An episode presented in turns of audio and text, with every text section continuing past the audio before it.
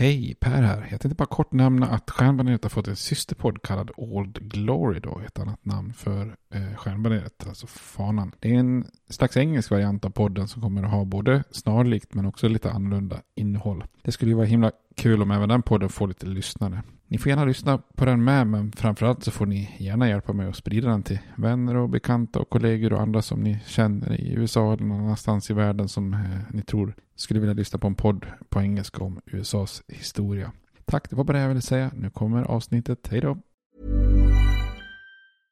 Everyone knows therapy is great for solving problems, but getting therapy has its own problems too, like finding the right therapist, fitting into their schedule, and of course, the cost. Well, BetterHelp can solve those problems. It's totally online and built around your schedule.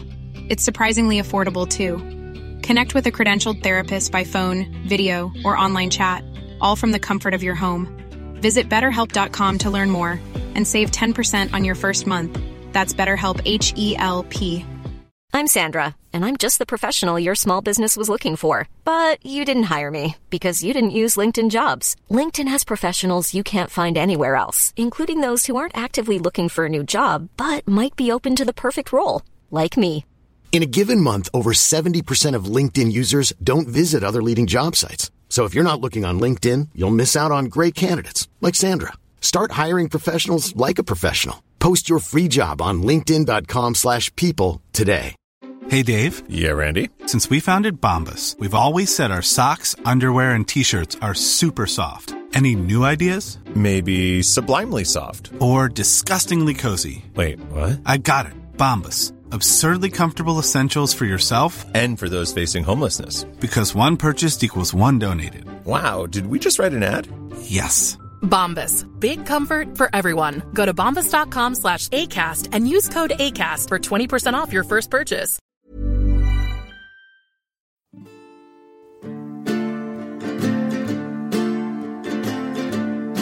We hold these truths to be self-evident, that all men are created equal, that they are endowed by their Creator with certain unalienable rights, that among these are life, liberty, and the pursuit of happiness. Now we are engaged in a great civil war, testing that government of the people, by the people, for the people, shall not perish from the earth. And so, my fellow Americans, ask not what your country can do for you, ask what you can do for your country. I have a dream. My four little children will one day live in a nation where they will not be judged by the color of their skin, but by the content of their character. Mr. Gorbachev, tear down this wall. I did not have sexual relations with that woman, Miss Lewinsky. Hej och välkomna till Stjärnbaneret, en podcast om USAs historia. Jag tänkte att jag skulle börja med att tacka alla som har kommit med väldigt mycket uppmuntrande ord här nu senast, sen senaste avsnittet här. Som jag berättade då så kommer inte Robert ha möjlighet att vara med riktigt i samma utsträckning eftersom han går en utbildning. Eh, vilket innebär att jag tills vidare kör själv då. Och jag märker att det inte bara jag som saknar Roberts sällskap utan det är många som saknar hans inlägg och hans röst. Eh, samtidigt som det har varit väldigt mycket lyckönskningar gällande Roberts eh, bryggarutbildning. Och jag kan väl eh, säga så här, han har öppnat galant på den utbildningen kan jag hälsa. Så att det är båda gott för framtiden. Samtidigt har det varit väldigt många som har sagt att det funkar fint och var fortsatt intressant och spännande även när jag körde själv. Så att det har varit, verkligen varit eh, mycket uppmuntrande ord här och många som var lite oroliga att vi skulle lägga ner på den. Men eh, eftersom det verkar funka så, så, så kör jag vidare helt enkelt. Eh, så det får säga stort tack till alla som har hört av sig. Det är väldigt kul att höra att vårt eh, engagemang är uppskattat. Förra avsnittet så såg vi hur eh, man summerar här hur president Johnson Eh, försökte ta kommandot över den här rekonstruktionseran. Och jag tänkte att vi skulle köra den här rekonstruktionen i mål idag. Eh, Johnsons hållning eh, gjorde ju att Södern snabbt var förlåtet och kunde införa sådana här black codes som slog ner på afroamerikaner då. Men hans agerande skapade ju en hel del ilska bland ja, i princip samtliga republikaner. Eh, så till den milda grad att de helt enkelt tar över då i kongressen. Eh, tar över rodret över hela rekonstruktionen då och, och kör ett betydligt eh, hårdare program gentemot den här besegrade södern. Då. Så då börjar man införa medborgerliga rättigheter för, för afroamerikaner och bland annat då. Och sen så tröttnar de ju till slut på Johnson så pass mycket att de faktiskt försöker få bort honom med hjälp av riksrätt. Och det var ju lite lustigt. Det var ju väldigt aktuellt på många sätt. Om man tittar på dagsläget i USA där man återigen verkar vilja gå igenom en, en riksrätt. Jag tror vi pratade om det då, men det var ju, det är ju inte många gånger som det har hänt i, i landets historia. Eh, och det här rekonstruktionstiden är ju unik på många sätt. Alltså, dels om man räknar in mordet på Lincoln och så är det ju första presidentmordet. Och Eh, det är också första gången som presidenten ställs inför riksrätt då, i form av Johnson. Och, och, det är också första gången som kongressen då konstant kör över en president med två tredjedels majoritet. Då. Men eh, ja, nu tar vi vidare helt enkelt rekonstruktionen där vi, där vi var senast.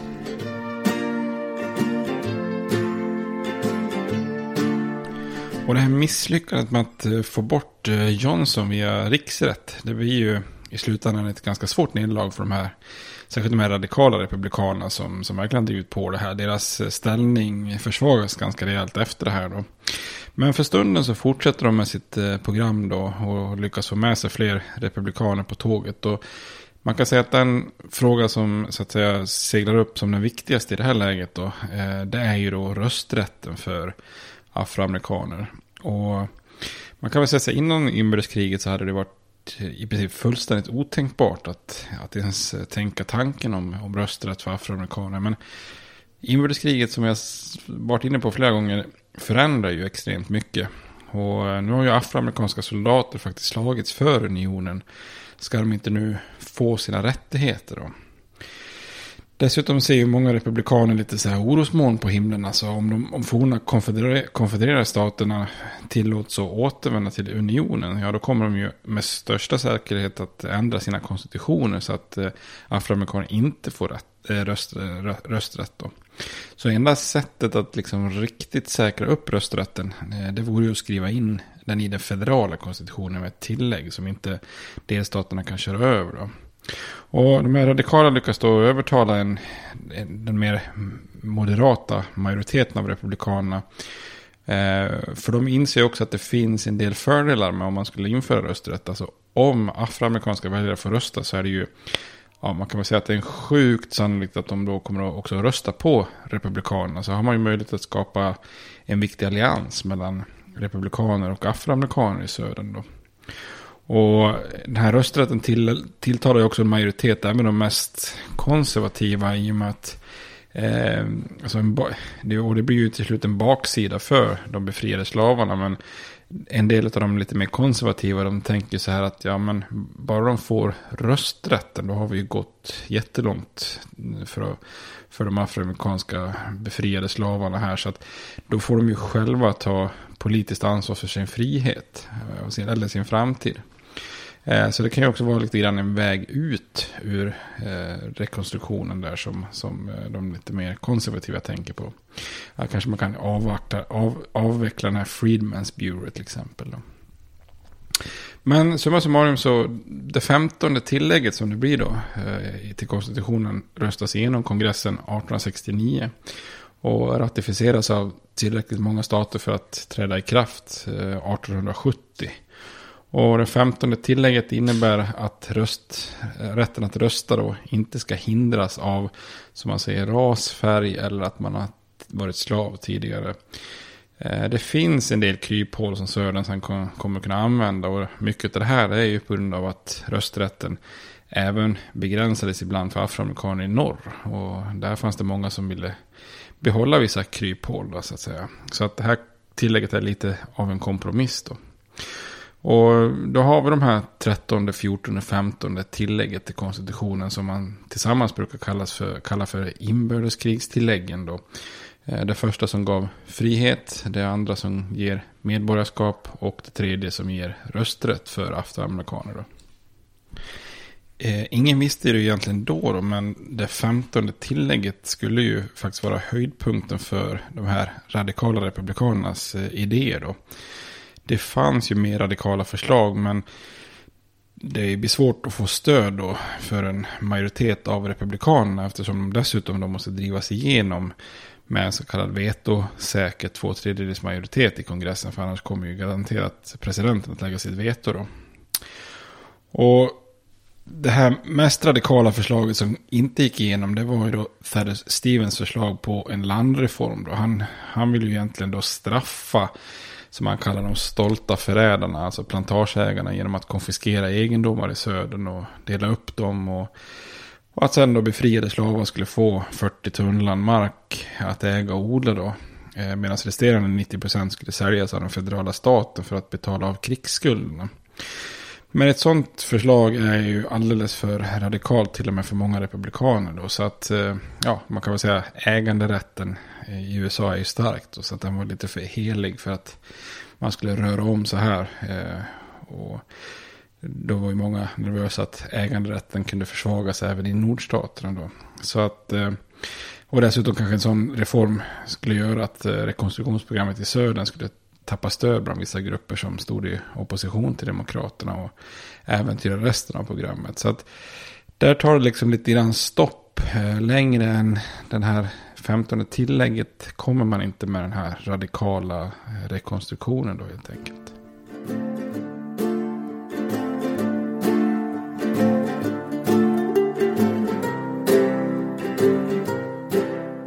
Går vi över och tittar lite grann på situationen i södern här då mitt under rekonstruktionen så det är ju några år här på 1870-talet där samhället i södern nästan ser ut som republikanerna vill då. Eh, med hjälp av armén och eh, Freedmen's Bureau, den här myndigheten vi pratade om förra gången, så börjar ju många afroamerikaner i södern att, att både rösta och få politiska uppdrag då.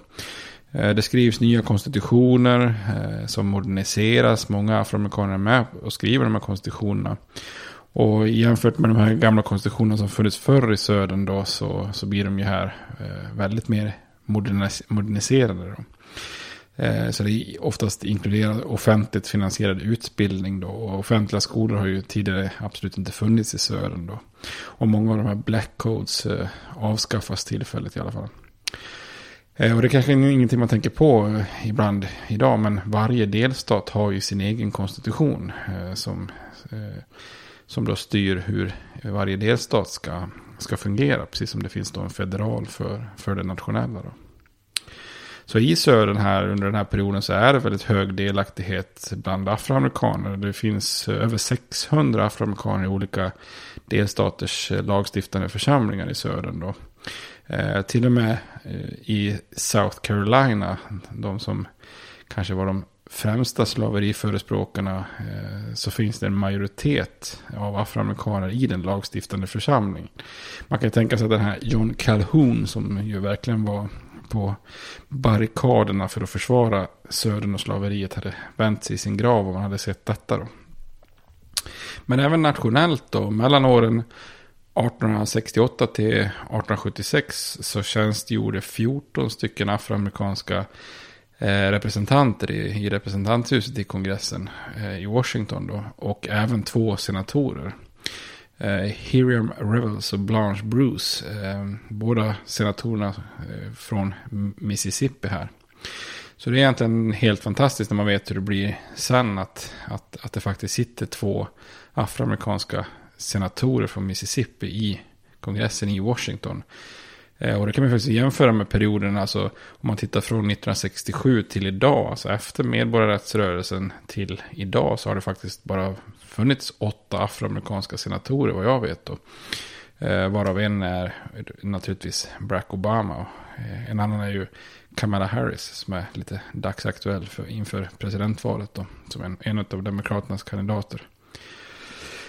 Men det bildas då en slags republikansk falang i södern då. Som är en slags koalition då mellan afroamerikaner och, eh, och vita politiker som kanske i många fall tidigare har stött det här gamla Whig-partiet. Eller olika unionister då som inte kunde identifiera sig med eh, demokraterna i södern då.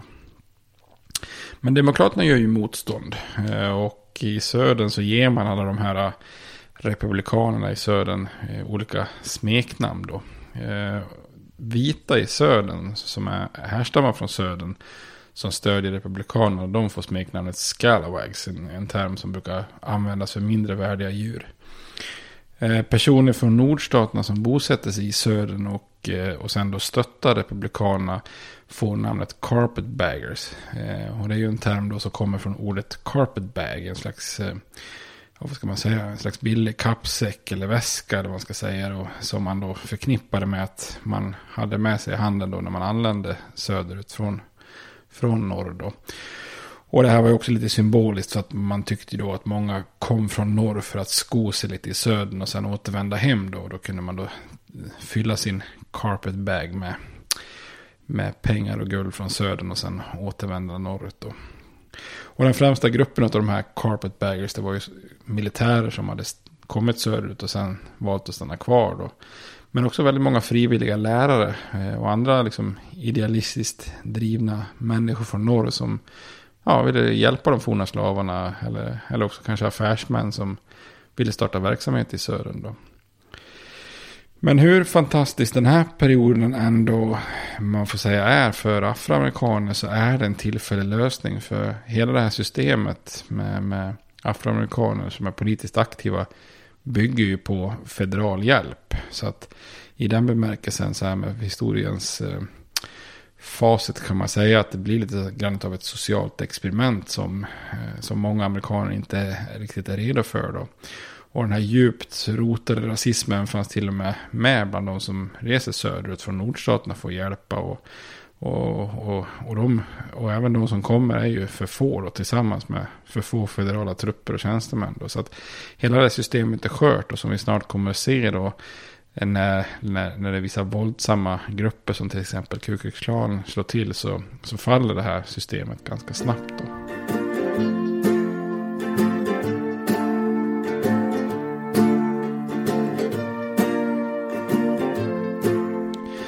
Så det existerar alltså några år när de här forna konfererade staterna har liksom utbildningsväsen för afroamerikaner. Där afroamerikaner deltar i politiken och, och röstar och där republikanerna styr i södern. Då.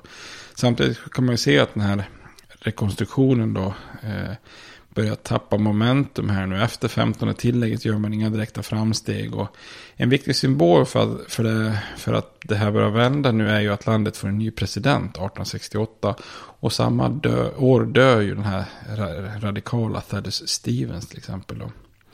Och när landet ska välja en ny president igen 1868 så då längtar ju många efter någon slags eh, stabil figur som, eh, som efter det här kaoset som har rått med Andrew Johnson kan liksom stabilisera systemet. Och då är det ju naturligt för väldigt många att man helt enkelt vänder blickarna mot Ulysses Grant då. Den absolut den här stora militära segerorganisatören under inbördeskriget då.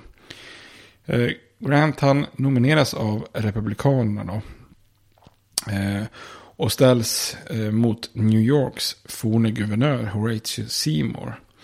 Eh, och det blir en ganska, ganska jämn kampanj där. Eh, men till slut så vinner republikanen Grant Och Eh, mycket faktiskt tack vare vissa republikanska röster i södern. Så, så besegrar han då demokraten Seymour.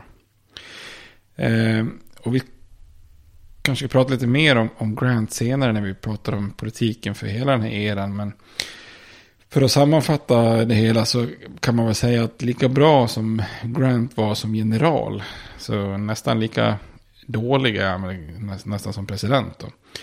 Eh, som general gjorde han ju sig känd under inbördeskriget som extremt handlingskraftig och, och drivande. Och som president är han rätt så passiv och kanske nästan lite tafatt ibland. Då.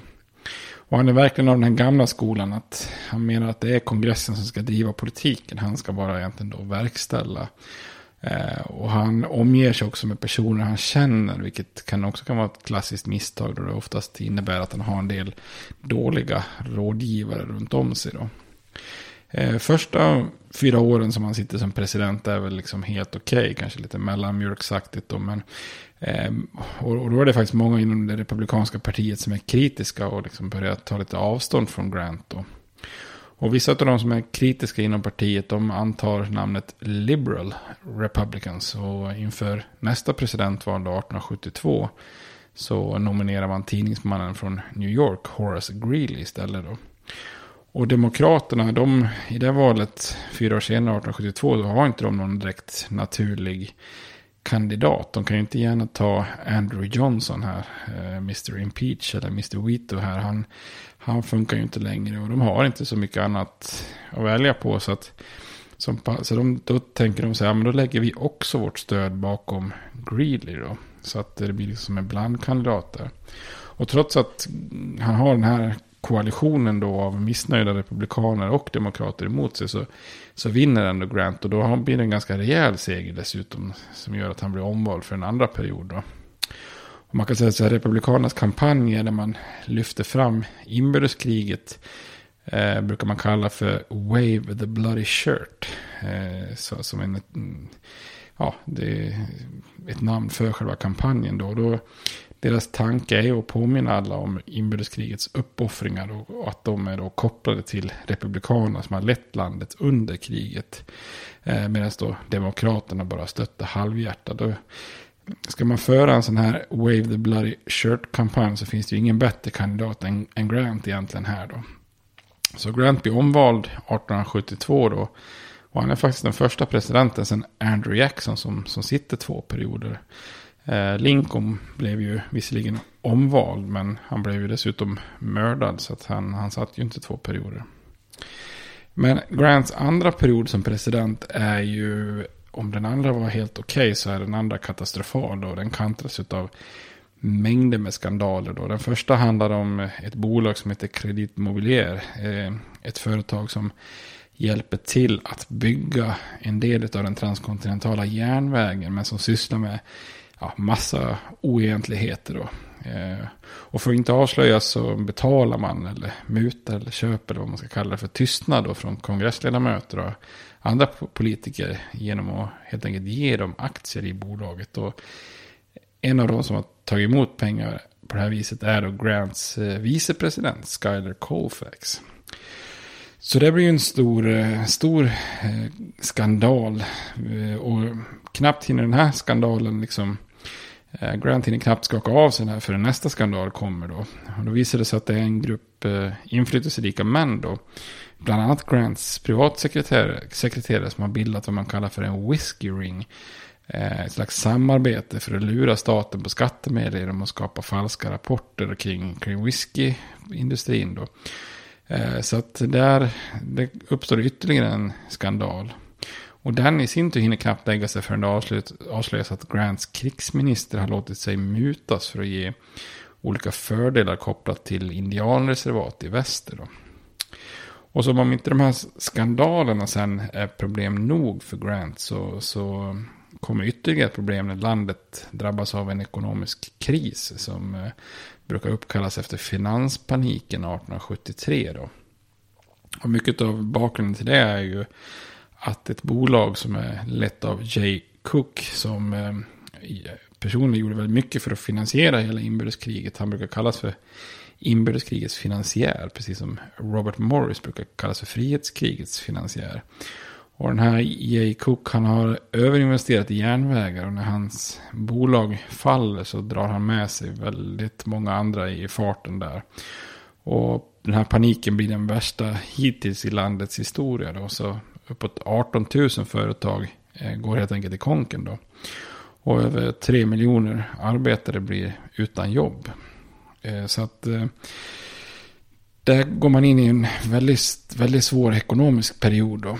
Eh, och mycket av det här debatterna där kretsar kring den här nationella valutan som man har skapat under, under kriget. De här så kallade greenbacks, sedlarna. Och Huruvida de ska knytas till värdet av guld. Och man kan väl egentligen säga att från den här stunden så handlar politiken väldigt mycket om, om pengar och papper och silver och guld.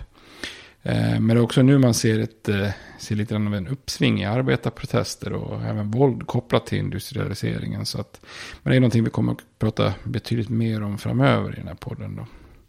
Så en av de få ljuspunkterna faktiskt under, under Grants presidentskap, eh, det är ju att utrikesminister William Seward, han som var utrikesminister även under Lincoln. Eh, han köper Alaska från eh, Ryssland för 7,2 miljoner dollar då.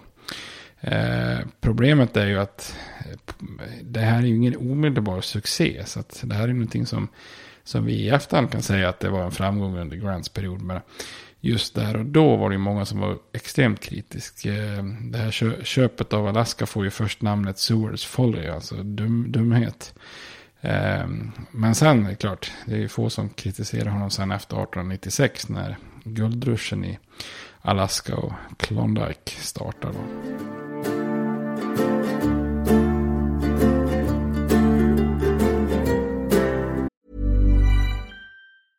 This Mother's Day, celebrate the extraordinary women in your life with a heartfelt gift from Blue Nile. Whether it's for your mom, a mother figure, or yourself as a mom, find that perfect piece to express your love and appreciation. Explore Blue Nile's exquisite pearls and mesmerizing gemstones that she's sure to love. Enjoy fast shipping options like guaranteed free shipping and returns. Make this Mother's Day unforgettable with a piece from Blue Nile. Right now, get up to 50% off at BlueNile.com. That's BlueNile.com. Millions of people have lost weight with personalized plans from Noom like Evan, who can't stand salads and still lost 50 pounds. Salads, generally, for most people, are the easy button, right? For me, that wasn't an option. I never really was a salad guy. That's just not who I am. But Noom worked for me. Get your personalized plan today at Noom.com. Real Noom user compensated to provide their story. In four weeks, the typical Noom user can expect to lose one to two pounds per week. Individual results may vary.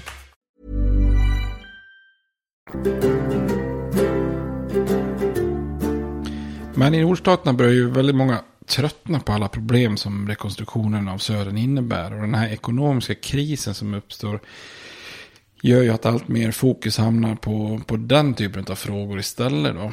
Eh, och den här ekonomiska depressionen som startade med den här paniken 1873, den varar dessutom i hela fem år. Då. Eh, så i slutet av Grants presidentperiod så har, då har ju Demokraterna börjat så sakteliga återta makten i de flesta av de forna rebellstaterna i södern. Då. Det är framförallt bara South Carolina, Louisiana, Florida som inte eh, man har tagit tillbaka makten i. Då.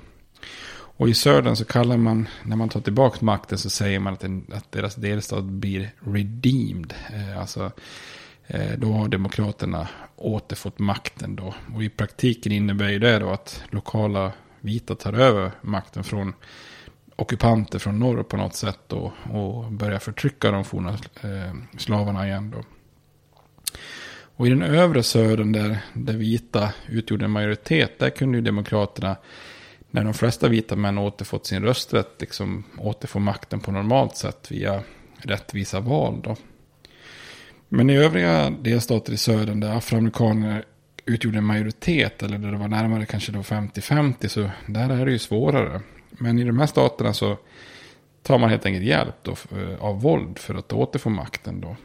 Eh, och på många ställen så bildas ett antal hemliga sällskap. Då. Och det kanske mest kända, kändaste, eh, det mest kända är ju såklart eh, KKK och eh, Ku Klux Klan. Men det finns faktiskt en massa andra fantasifulla namn också ett tag. Då. The Knights of the White Camellia heter ett. Southern Cross, Red Shirts, White League. Och det är lite olika. Vissa bildas mer som kanske någon slags socialklubb först med lite kostymer och konstiga titlar och kodord och hemligheter och sådär. Men ganska snart så blir ju flera av de här en slags terroristverksamhet för att ge demokraterna makt då. Och den kändaste som vi känner till, de flesta är ju Ku Klux Klan då. Och den grundas 1866. Eh, bland annat av den här forna konfedererade generalen Nathan Bedford Forrest som faktiskt blir organisationens första ledare, eller Grand Wizard som det heter. Och det är väl kanske inte så, eh, eh, så konstigt. Forrest var ju väldigt kontroversiell. Det var han som var ansvarig för den här Fort Pillow-massakern under inbördeskriget. Där mycket, många afroamerikanska soldater eh, sköts även fast de hade gett upp. Då. Eh, och senare under 1900-talet så eh, blir ju KKK en mer, ja vad ska man säga, renodlad rasistisk terrorrörelse i, i värsta fall och lite förvirrad herrklubb i, i bästa fall kanske. Men vid den här tiden så får man poängtera att det är ju alltså en politisk kraft. Alltså det blir en slags militär organisation eller förlängd arm då som hjälper de här vita demokraterna i södern att, att kunna återfå den politiska makten med hjälp av våld och hot. Då. Eh, så vid den här tiden så är ju Ku Klux Klan knappast någon slags eh, white trash eh, människor. Utan det här är ju forna konfedererade officerare och plantageägare och många från samhällets elit. Och framförallt då från det demokratiska partiet. Så det här liknar ju liksom kanske lite mer, om man tänker sig nazistiska, fascistiska falanger som med våld tar, hjälper politi, polit, politiker att ta makt, till exempel under 1900-talet. Och Ku Klux Klan och liknande organisationer, deras kampanjer riktar sig ju då framförallt mot republikaner och, och, och, vita som arbetar för svartas rättigheter. Alltså de här som vi sa kallas för scalawags eller carpetbaggers. Då. Och det är både vita och svarta som lynchas. Sen framöver så blir, ju, kan, blir det ju mer liksom, alltså man förknippar det ju med afroamerikaner som lynchas. Då. Men, men här är det liksom alla som är politiska motståndare som kan råka ut för våldet. Då. Och det är ju väldigt eh, framgångsrikt ur, ur deras eget perspektiv då. Eh, och vid mellanårsvalet 1870 så då utbryter det våld överallt i södern då. Och de här organisationerna de så att säga bevakar valen. Alltså se till att det är demokraterna som segrar. Och det innebär ju att det är regelrätta strider ibland mellan olika grupper av afroamerikaner och eh, KKK. Och Demokraterna segrar ju i, i väldigt många val över hela södern. Och det här vill man inte tillåta riktigt då. Så att Republikanerna svarar på den här våldsvågen med, med tre lagar mellan åren 1870 till 71. De brukar kallas för KKK-lagarna. Och de här lagarna ger den federala makten rätt att åtala privatpersoner som bryter mot federala lagar och, och gav presidenten rätt att använda federala trupper för att eh, skydda civila rättigheter och ja, bestrida KKK. Då. Och de här lagarna är väldigt effektiva för redan 1872 så har organisationen i princip övergetts. Då. Eh, och uppstår inte egentligen igen förrän 1915. Då. Eh, och när man då startar om så är det ju i princip nästan ingen kvar från den här första eran. Så att um, det finns liksom ingen linjär existens här mellan KKK som, som fanns under rekonstruktionen och det som sen uppstår under, under 1900-talet. Då. Men problemet är att även om det här är effektivt och att man bestrider själva Ku Klux Klan då, så är ju dessvärre skadan redan skedd. För med hjälp av eh, Ku Klux Klan och, och våld då, så har ju den här vita rasistiska eliten redan tagit tillbaka makten i nästan alla forna rebellstaterna vid den här tiden. Då. Och även om de här organisationerna försvinner under en tidsperiod så lever mycket av dem kvar då under, under olika täckmantlar också. Oftast med en slags vapenklubb. Och det här kan ju låta lite naivt att man kan dölja sig genom att säga att nej, vi är bara en vapenklubb. Men det är ganska vanligt under den här tidsperioden att ha vapenklubbar. Och till exempel så är det ju under den här tiden som NRA, alltså National Rifle Association, Eh, uppstår då. Eh, visserligen inte i södern då, men, men det är vanligt då. Och eh, NRA, som vi faktiskt pratar om lite grann i avsnittet om rätten att bära vapen, som jag tror är vårt är det fjärde eller tredje avsnitt. Det startade ju i New York 1871 och, och den första ledaren var faktiskt ingen mindre än den forna unionsgeneralen Ambrose Burnside. Alltså mannen med de fantastiska polisongerna som eh, förlorade slaget i Fredericksburg 1862.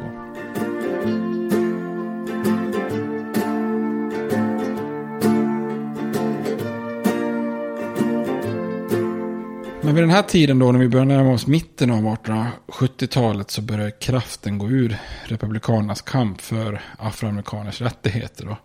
Eh, fokus hamnar på, på många andra frågor. Då.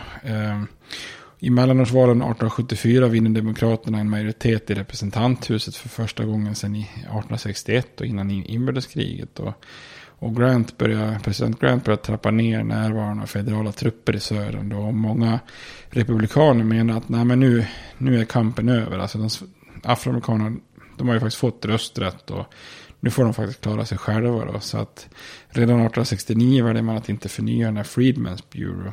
Eh, vilket ju gav social hjälp till afroamerikaner. Eh, och många vita i södern som kanske egentligen inte sympatiserar med Republikanerna. De går ändå över till Republikanerna för att eh, alternativet blir ju att hamna helt utanför samhället och helt utanför eh, politiska makten då. Så att Södern blir ju lite grann som en, ska man säga, enpartistat. Eh, demokraterna dominerar fullständigt totalt. Eh, och det är ju det här man senare brukar kalla för the solid south. Eh, att, att dem, demokraterna helt eh, dominerar i södern då. Och man kan ta Arkansas, Arkansas som ett exempel då. Eh, I alla 23 presidentval mellan 1876 och 1964 så segrade den demokratiska presidentkandidaten i Arkansas. Och det är ju egentligen, den här Solid South, det är ju faktiskt först 1968. Det är ju nästan 100 år senare som den här situationen börjar ändras. Det är då, eh, det kommer komma in på sen då, men det är då Richard Nixon kör den här så kallade Southern Strategy, strategy när han försöker vinna då konservativa republikanska röster i södern då. Så 1976 när Jimmy Carter väljs till president så är det ju sista gången som en demokrat vinner majoritet av elektorsrösterna i södern. Och redan 1984 sen Ronald Reagan slår Walter Mondale så, så är det ju, vinner ju här Reagan som republikan hela södern. Och då är ju förvandlingen total. Vilket ju egentligen då eh, är konstigt utifrån om man jämför med om man säger situationen idag då där man förknippar södern med republikaner istället. Då för att mm, alltså partiet som valde Lincoln och utlöste secessionen och inbördeskriget 1861 eh, är ju idag helt dominant i södern då medan demokraterna eh, i många fall har blivit starka i, i de nordstaterna där abolitionisterna var mest aktiva 1861. Så det är verkligen upp och nervända världen jämfört med hur det var på eh, runt inbördeskriget och rekonstruktionen jämfört med hur det är, är idag. Då. 1876 så är det ju dags för ett presidentval igen. Och det här blir ju ett av de mest kontroversiella och eh, konstiga eh, valen i landets historia. Då, fullt jämförbar med valet 1800 som också var kaotiskt. Eller var valet 2000 som, som också var kaotiskt med Al, Al Gore mot eh, eh, mot Bush. Då. Eh, och Grant han hade faktiskt tänkt att ställa upp för en unik tredje period i presidentvalet 1876. Men republikanska ledare har ju lite skakats om av de här demokratiska framgångarna i kongressvalet. Och de förfäras ju väldigt mycket av alla de här skandalerna som kopplas till eh, Grants närmaste män. Då. Så att man väljer helt enkelt bort Grant eh, och nominerar istället Rutherford B. Hayes, då, en eh, före detta unionsgeneral, även han då. Så att man än en gång kan ha en sån här kampanj, Wave the Bloody Shirt-kampanj då.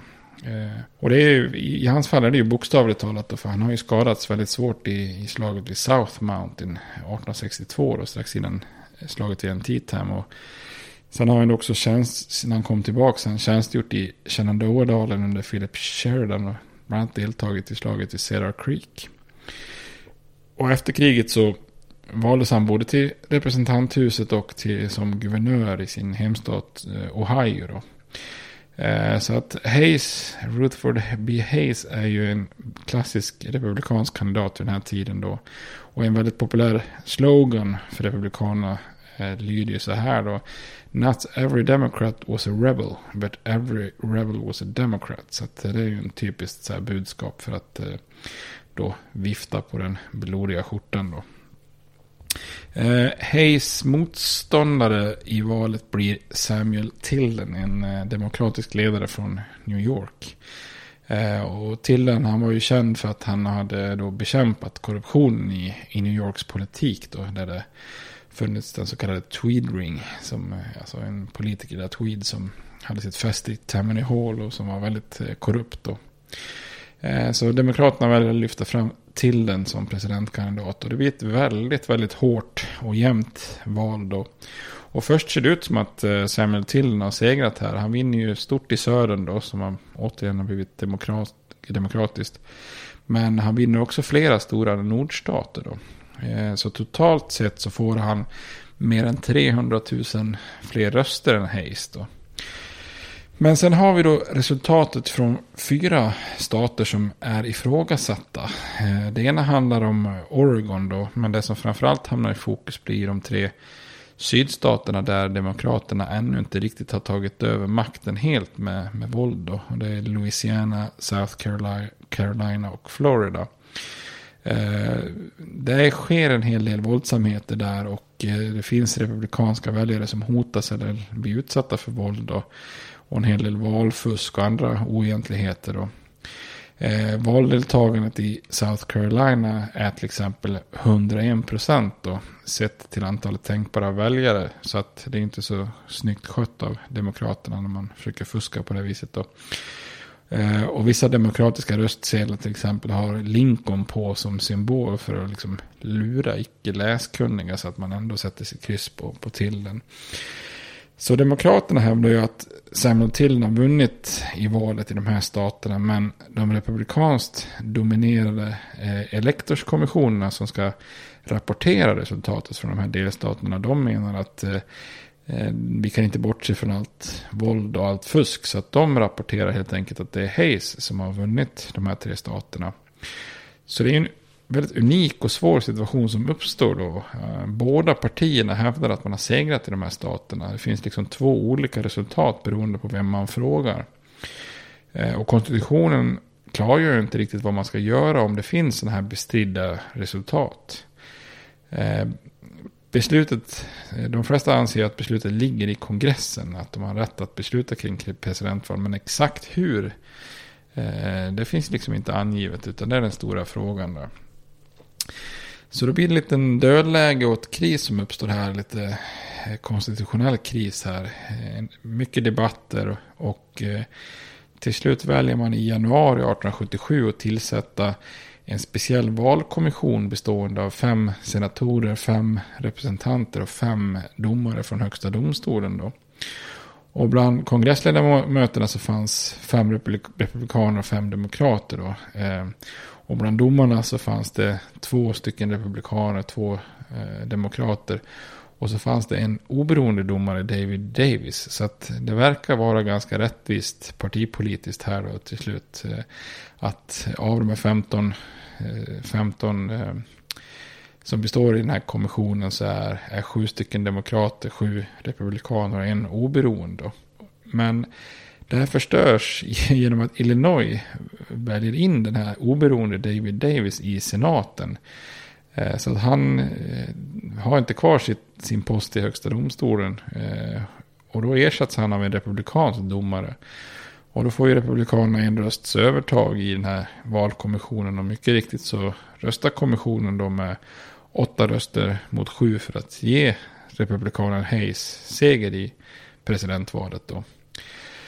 Men bakom kulisserna så har det ju också pågått olika förhandlingar och det är ingen som vet än idag exakt vad som sades och exakt liksom vad som utlovades där bakom kulisserna. Men ser man till vad som hände sen så verkar i alla fall det som då kommer att kallas för kompromissen 1877 att den innebär följande då att republikanerna får presidentposten medan demokraterna då inte försöker förhindra det med hjälp av någon sån här filibuster eller något liknande. Då.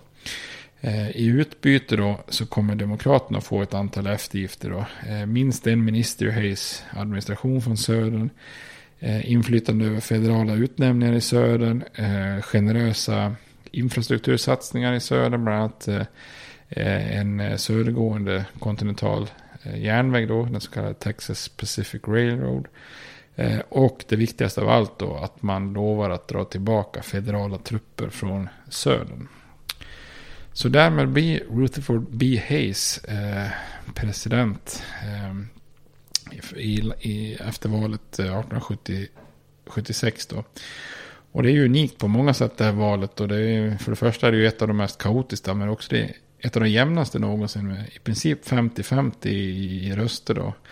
Eh, och eh, 185-184 elektorsröster. Alltså till slut blir det bara en rösts övertag för, för Hayes då. Dessutom är det, högst, är det, det högsta valdeltagandet någonsin faktiskt. Det är hela 81,8 procent av alla röstberättigade som går och röstar här 1876. Då. Kan man jämföra med 2016, då var det bara 55,7 som gick och röstade och röstberättigade. Som en liten anekdot kan man också nämna Colorado här. Eh, som ju faktiskt blir unionens 38 delstat i augusti 1876. Men de har varken ekonomi eller praktisk möjlighet att hinna ordna ett, eh, ett allmänt val direkt på hösten där. Så den lagstiftande församlingen får helt enkelt bara välja elektorer. Och väljer då republikanska elektorer. Eh, och det här är ju, så gick det ju till i de flesta delstater i början av landets historia. Att det var lagstiftande församlingar som, som valde elektorer. Inte, inte så att säga folkligt valda elektorer. Men eh, Colorado blir faktiskt den sista delstaten någonsin som där den lagstiftande församlingen väljer presidentelektorer istället för medborgarna. Och mycket riktigt efter valet så säger Hayes i sitt installationstal att Södern nu behöver stärka sitt lokala styre eh, och att han drar tillbaka de federala trupperna. Då. Och det får han ju givetvis en hel del kritik eh, för då. Men det kontroversiella valet har, har ändå gjort att Hayes lovar att eh, jag kommer bara tjänstgöra en period i Vita huset. Det slår han fast redan från första början här då.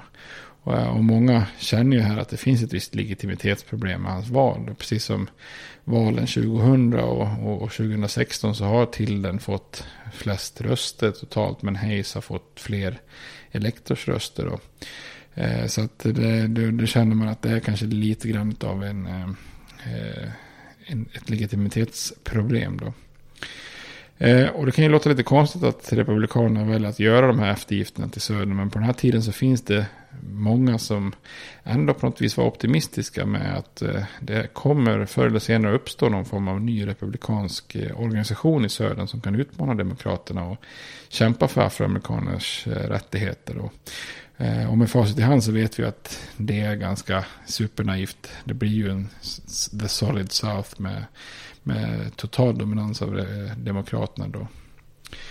Men man kan väl sätta det här i perspektiv. Alltså den här reträtten från rekonstruktionen kan man ju också förstå utifrån att det från första början var en väldigt liten minoritet av de radikala som ville liksom straffa och hämnas och ställa höga krav på de forna konfedererade staterna att återvända till unionen. Den stora majoriteten av eh, republikaner och befolkningen i norr ville ju ändå att på något vis att unionen skulle rekonstrueras så fort och smidigt som möjligt. Så att man liksom läkte såren då. Och redan egentligen när man ställer Johnson inför riksrätt och misslyckas med det så tappar ju de radikala eh, republikanerna makt. Och efter 15 tillägget så orkar man inte riktigt längre. Och sen kommer ju den här paniken, e-, ekonomiska paniken 1873 då. Eh, och helt plötsligt så har fokusen eh, tappats från, från rekonstruktionsfrågan då. Så till slut kohandlar man helt enkelt fram en lösning och slutar kämpa. Kraften har liksom gått ur det hela och, och så. Och man kan väl säga att polariseringen mellan nord och syd hade ju gått så långt. Alltså först krig och sen ett nytt slags krig, politiskt krig under rekonstruktionerna. Men nu börjar liksom folk tröttna här. Och det innebär ju att ja, politiker i, i nord och syd till slut kommer överens om att nu slutar vi strida då på bekostnad egentligen då av de befriade eh, slavarnas eh, rättigheter. Då. Och den här radikala rekonstruktionen hade ju varit liksom, ja, det var ju ett för tiden väldigt radikalt experiment där man försökte ge forna slavar full och jämlikt medborgarskap. Men det här experimentet blir ju helt enkelt för radikalt för många i, även i norr. Då. Och många vill inte se den federala makten tvinga sig på delstater på det här sättet. Och många även i norr anser ju heller inte att afroamerikanerna var jämlika med vita. Och extremt få var ju villiga att ge friare, friare slavar mark. vare sig om de pratar nordstaterna eller väster, i väster som en bas för ekonomisk självständighet. Så att eh, frihet för många i USA innebär just frihet från statligt styre vid den här tiden. Och inte användandet av staten för att hjälpa minoritetsgrupper.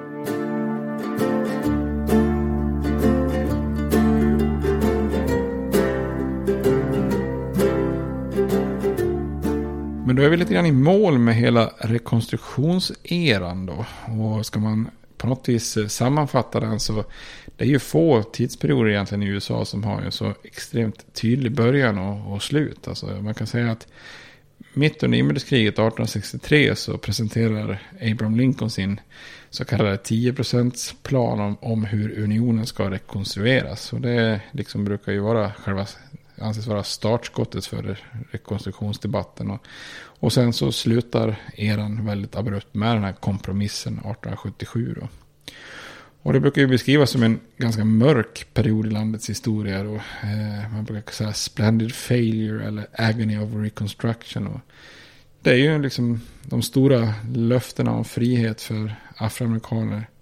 Det hålls ju inte mer än enbart den liksom absoluta friheten. Medan ekonomisk och politisk och social frihet. Eh, dörren öppnas och sen så stängs den ganska snabbt igen då. Och eh, kampen om att få ekonomiska, politiska och sociala eh, rättigheter skjuts ju därmed i princip fram till medborgarrättsrörelsen på 1960-talet då.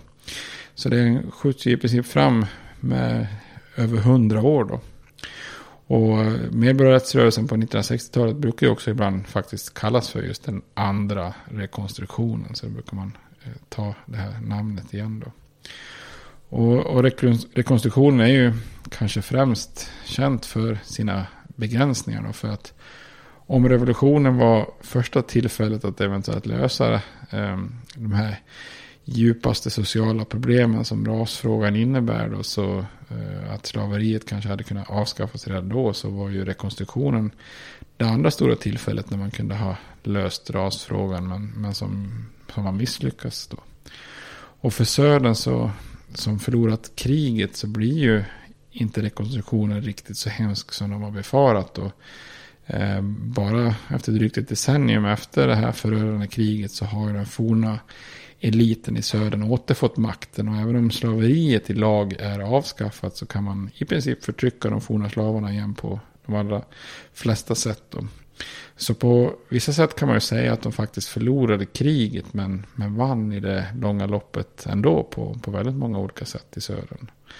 Och för afroamerikaner och befriade slavar var det naturligtvis en extremt frustrerande begränsning i vad friheten faktiskt innebär. Eh, för trots att det fanns några ljuspunkter och tack vare att slaveriet som sådant avskaffats. Men eh, alltså dels hade man ju under en viss tidsperiod fått lite förebilder som man till och med var med och valda till, eh, blev valda till kongressen och så vidare. Och dels hade man ju fått det här 14 och 15 tillägget till konstitutionen som även om de inte verkställs här och nu riktigt fullt ut ändå inte kan ignoreras. Då. De finns ändå på, på pränt och kunde åberopas eh, hundra år senare. Men trots allt så är ju liksom rekonstruktionen en väldigt eh, frustrerande period för dem. Då. Eh, en annan liten, liten ljuspunkt för afroamerikanerna är ju att man, man också Vissa saker bevaras ju från den här tiden. Kyrkor, skolor och en hel del kultur. Och det är ju många saker som hade varit otänkt under slaveriet. Så att, mm, det finns ju en liten, liten ljuspunkt med att inbördeskriget avskaffar slaveriet. Men det finns ju också extremt många baksidor. Då. Och det är väl kanske en, en före detta slav som sammanfattar inbördeskriget och rekonstruktionen bäst. Han skrev någonting i stil med att de säger att vi är fria. Men det betyder inte att vi är vita och det betyder inte att vi är jämlika. Och, och, och det är väl lite grann så, så det blir. Slaveriet avskaffas men den egentliga friheten eh, uteblir på många sätt.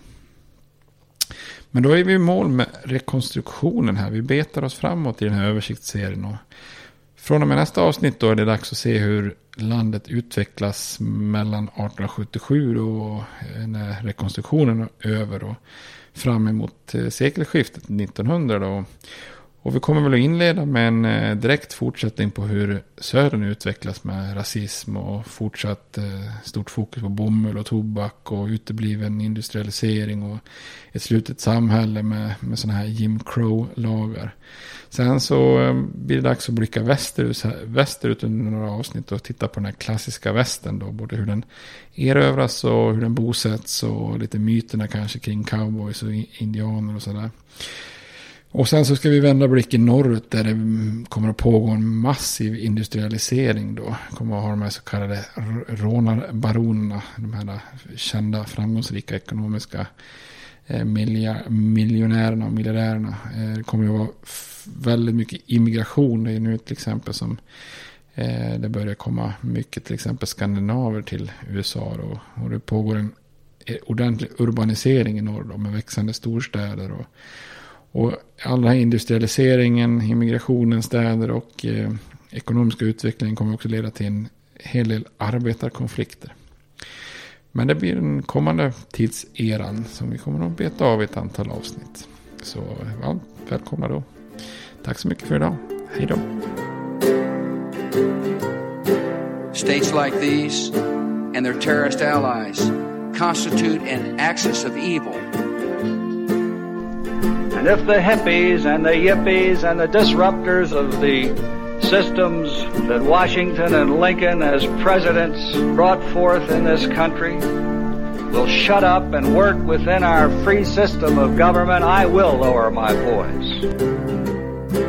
If the impeachment provision in the Constitution of the United States will not reach the offenses charged here, then perhaps that 18th century Constitution should be abandoned to a 20th century paper shredder. Therefore, I shall resign the presidency effective at noon tomorrow.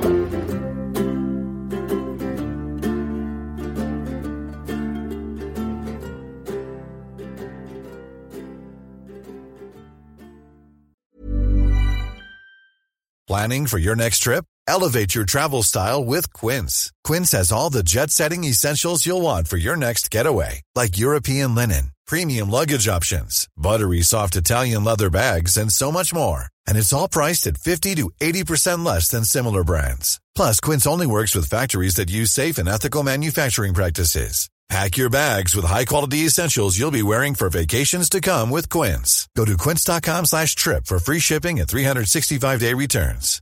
Hi, I'm Daniel, founder of Pretty Litter. Cats and cat owners deserve better than any old-fashioned litter. That's why I teamed up with scientists and veterinarians to create Pretty Litter. Its innovative crystal formula has superior odor control and weighs up to 80% less than clay litter. Pretty Litter even monitors health by changing colors to help detect early signs of potential illness. It's the world's smartest kitty litter. Go to prettylitter.com and use code ACAST for 20% off your first order and a free cat toy. Terms and conditions apply. See site for details. Hey, it's Paige DeSorbo from Giggly Squad. High quality fashion without the price tag? Say hello to Quince. I'm snagging high end essentials like cozy cashmere sweaters, sleek leather jackets, fine jewelry, and so much more. With Quince being 50 to 80% less than similar brands. And they partner with factories that prioritize safe, ethical, and responsible manufacturing. I love that. Luxury quality within reach. Go to quince.com slash style to get free shipping and 365 day returns on your next order. Quince.com slash style.